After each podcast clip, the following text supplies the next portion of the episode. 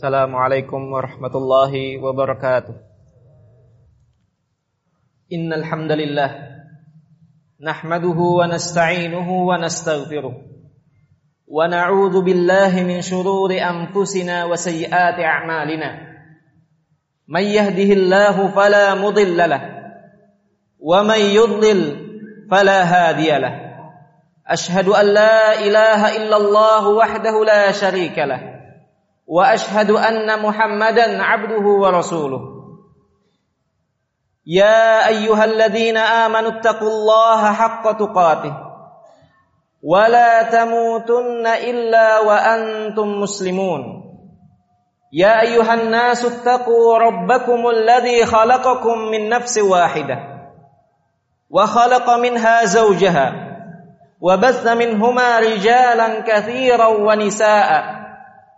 واتقوا الله الذي تساءلون به والأرحام. إن الله كان عليكم رقيبا. يا أيها الذين آمنوا اتقوا الله وقولوا قولا سديدا. يصلح لكم أعمالكم ويغفر لكم ذنوبكم. ومن يطع الله ورسوله فقد فاز فوزا عظيما. أما بعد فإن أصدق الحديث كتاب الله.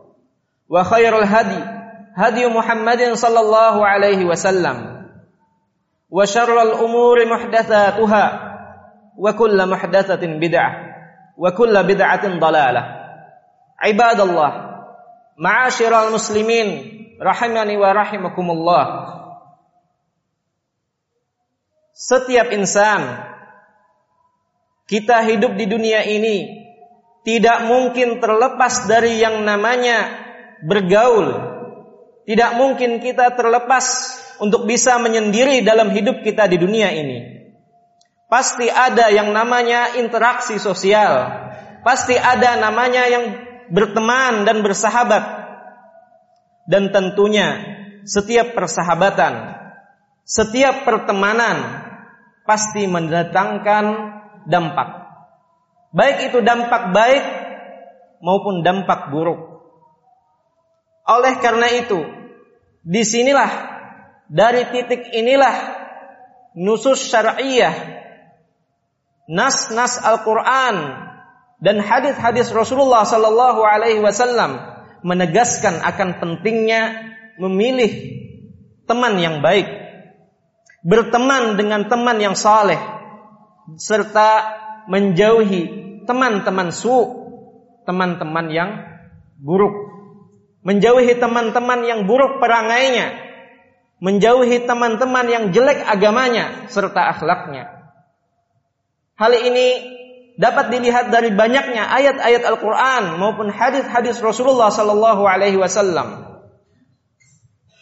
yang berbicara tentang hal ini. Salah satunya adalah firman Allah Subhanahu wa taala yang berbunyi Wasbir nafsaka ma'al yad'una rabbahum bil ghadati wal ashiyyi yuriduna wajha. Allah Subhanahu wa taala mengingatkan bersabarlah dirimu bersama orang-orang yang mengingat yang berdoa kepada Rabbnya di pagi dan malam hari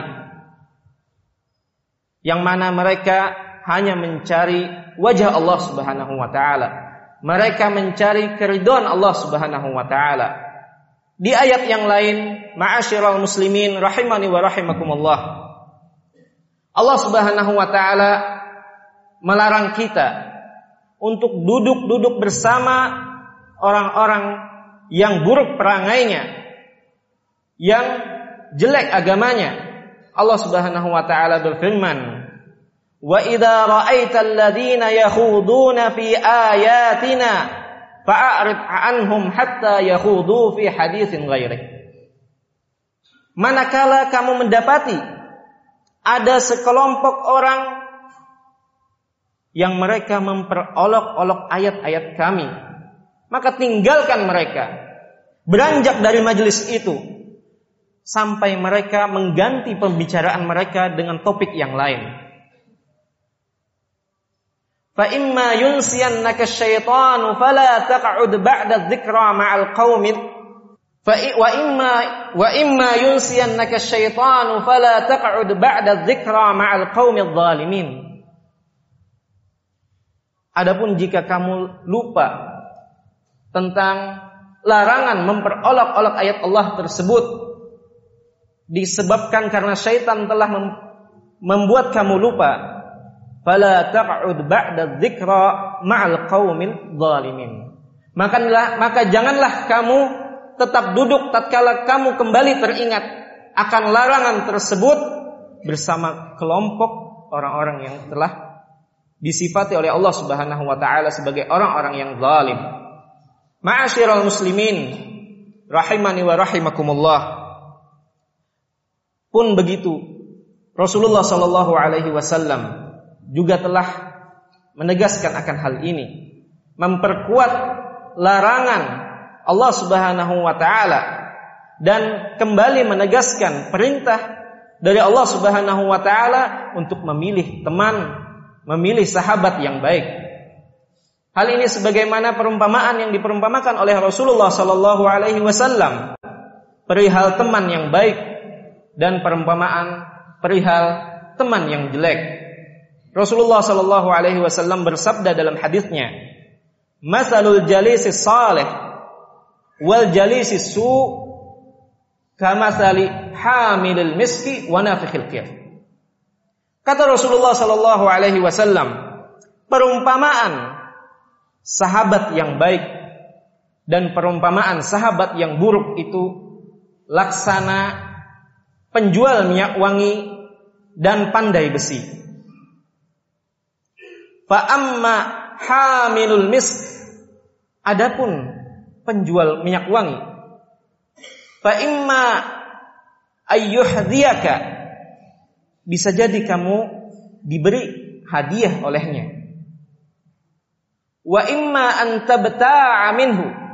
Atau bisa pula kamu membeli minyak wangi darinya. Wa imma an tajida minhu rihan thayyibah atau paling tidak kamu akan mendapati bau yang wangi wa amma nafikhul kir adapun pandai besi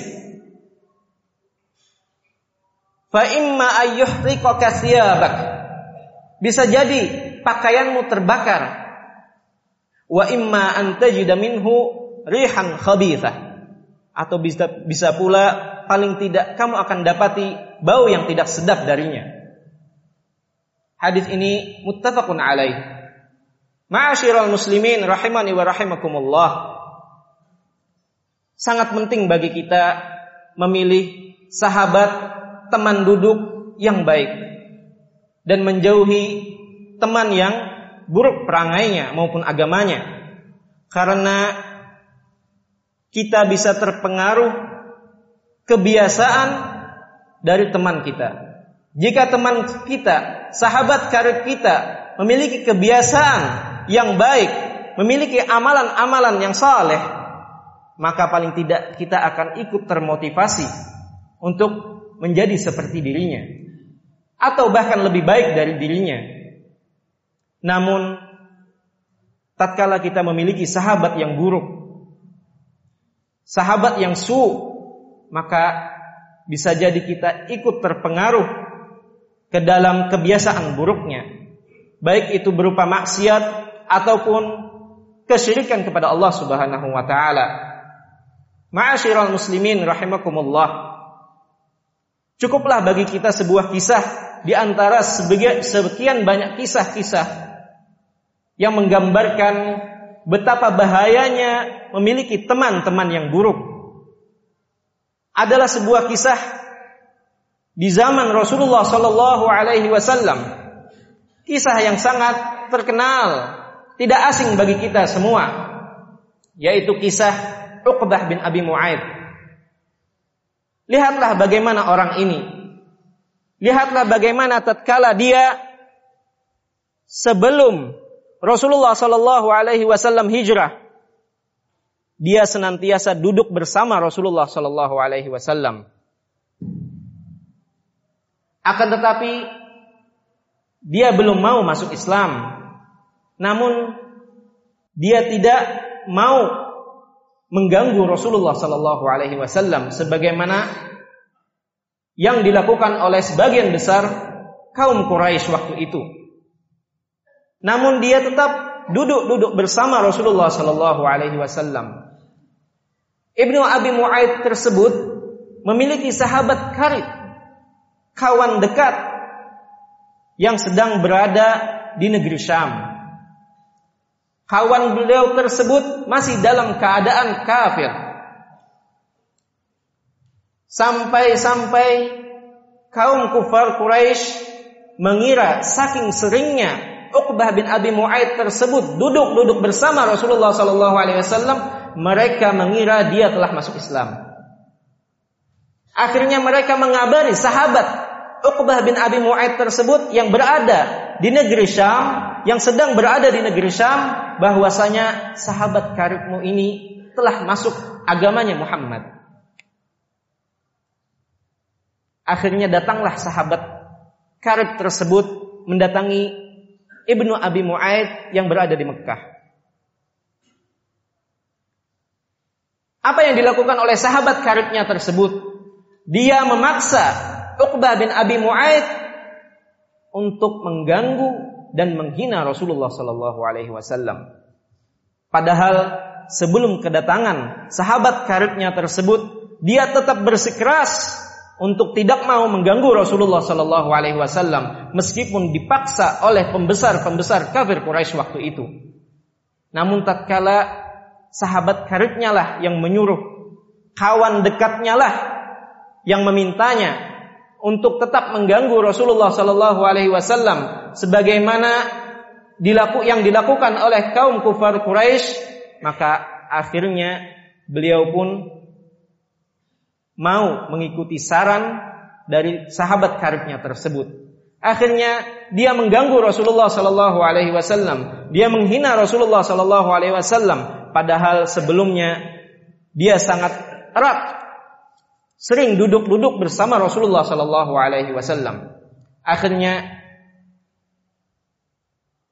akhir dari kisah Uqbah bin Abi Mu'aid tersebut adalah dia meninggal dalam keadaan kekufuran pada perang Badar.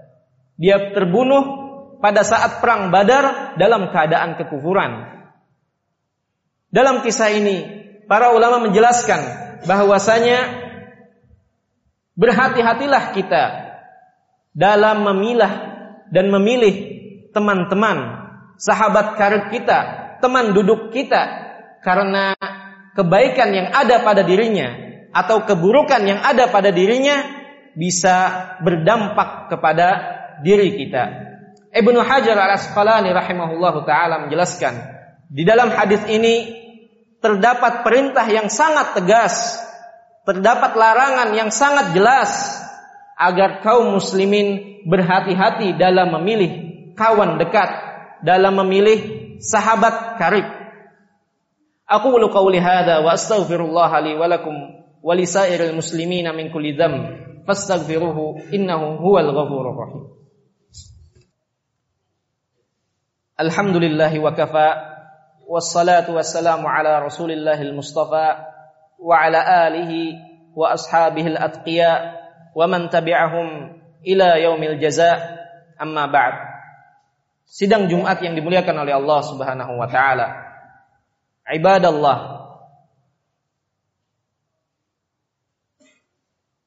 Syekh Abdul Rahman Sa'di rahimahullahu taala menerangkan bahwasanya di antara nikmat dari Allah Subhanahu wa taala kepada seorang hamba yang beriman adalah dipilihkannya ia untuk mendapat atau memiliki sahabat yang baik. Memiliki sahabat yang baik merupakan sebuah nikmat dari Allah Subhanahu wa taala kepada kaum beriman. Dan merupakan sebuah cobaan dari Allah Subhanahu wa taala tatkala kita memiliki sahabat yang buruk. Kawan baik yang memiliki perangai yang buruk dan agama yang jelek. Oleh karena itu, hendaklah kita semua berhati-hati dalam memilih teman. Karena teman yang baik bisa mengingatkan kita semua tatkala kita lalai, tatkala kita malas untuk mengerjakan berbagai amal ketaatan kepada Allah Subhanahu wa taala. Begitu pula sebaliknya. Teman yang buruk, sahabat karib yang buruk bisa menjurumuskan kita kepada kemaksiatan kepada Allah Subhanahu wa taala. Begitu pula kepada orang tua. Sungguh tidak sedikit anak-anak yang telah mendapat pendidikan, didikan yang baik dari orang tuanya di rumah ataupun di sekolah, namun menjadi rusak tatkala berteman dengan teman-teman yang buruk. Tatkala dia mulai bergaul dengan kawan-kawan yang buruk perangainya. Tidak sedikit kita lihat di sekitar kita oleh karena itu, khususnya bagi orang tua, hendaklah memperhatikan betul-betul kepada siapa anak-anak kita bergaul, kepada siapa anak-anak kita berteman, karena teman memiliki pengaruh yang sangat kuat dalam kesalehan atau keburukan akhlak seseorang.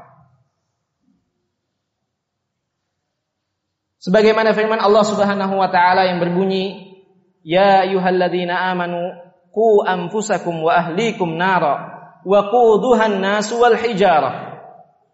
Lindungilah, peliharalah diri kalian dan keluarga kalian dari api neraka yang mana bahan bakarnya adalah manusia dan batuan. Alaiha malaikatun ghiladun shidadun la ya'sunallaha ma amarahum wa yaf'aluna ma yu'marun. Yang mana di situ ada malaikat-malaikat yang keras, yang kasar, yang mana mereka tidak sekalipun menyelisihi perintah Allah Subhanahu wa taala dan mereka senantiasa mengerjakan apa yang diperintahkan Allah kepada mereka. Ala wa sallu wa sallimu ala al-bashir an-nadhir an-nabiyil karim Muhammad bin Abdullah كما امركم الله به في محكم تنزيله قال تعالى ان الله وملائكته يصلون على النبي يا ايها الذين امنوا صلوا عليه وسلموا تسليما وقال صلى الله عليه وسلم من صلى علي صلاه واحدة صلى الله عليه بها عشرا. اللهم صل على محمد وعلى آل محمد كما صليت على إبراهيم وعلى آل إبراهيم إنك حميد مجيد. وبارك على محمد وعلى آل محمد كما باركت على إبراهيم وعلى آل إبراهيم إنك حميد مجيد. وارض اللهم عن الخلفاء الراشدين الأئمة المهديين أبي بكر الصديق وعمر الفاروق وعثمان ذي النورين وأبي السبطين علي. وارض اللهم عن بقيه الصحابة أجمعين وعن التابعين ومن تبعهم بإحسان إلى يوم الدين. اللهم اغفر للمسلمين والمسلمات والمؤمنين والمؤمنات الأحياء منهم والأموات. إنك سميع قريب مجيب الدعوات. اللهم أصلح لنا ديننا الذي هو عصمة أمرنا. اللهم اصلح لنا دنيانا التي فيها معاشنا اللهم اصلح لنا اخرتنا التي اليها معادنا اللهم اجعل الحياة زيادة لنا في كل خير واجعل الموت راحة لنا من كل شر اللهم آت نفوسنا تقواها وزكها أنت خير من زكاها أنت وليها فاغفر لنا إنك غفور رحيم عباد الله Inna Allah wa malaikatahu yusalluna 'alan nabi. Ya ayyuhalladzina amanu sallu 'alaihi wa sallimu taslima. Wa aqimis shalah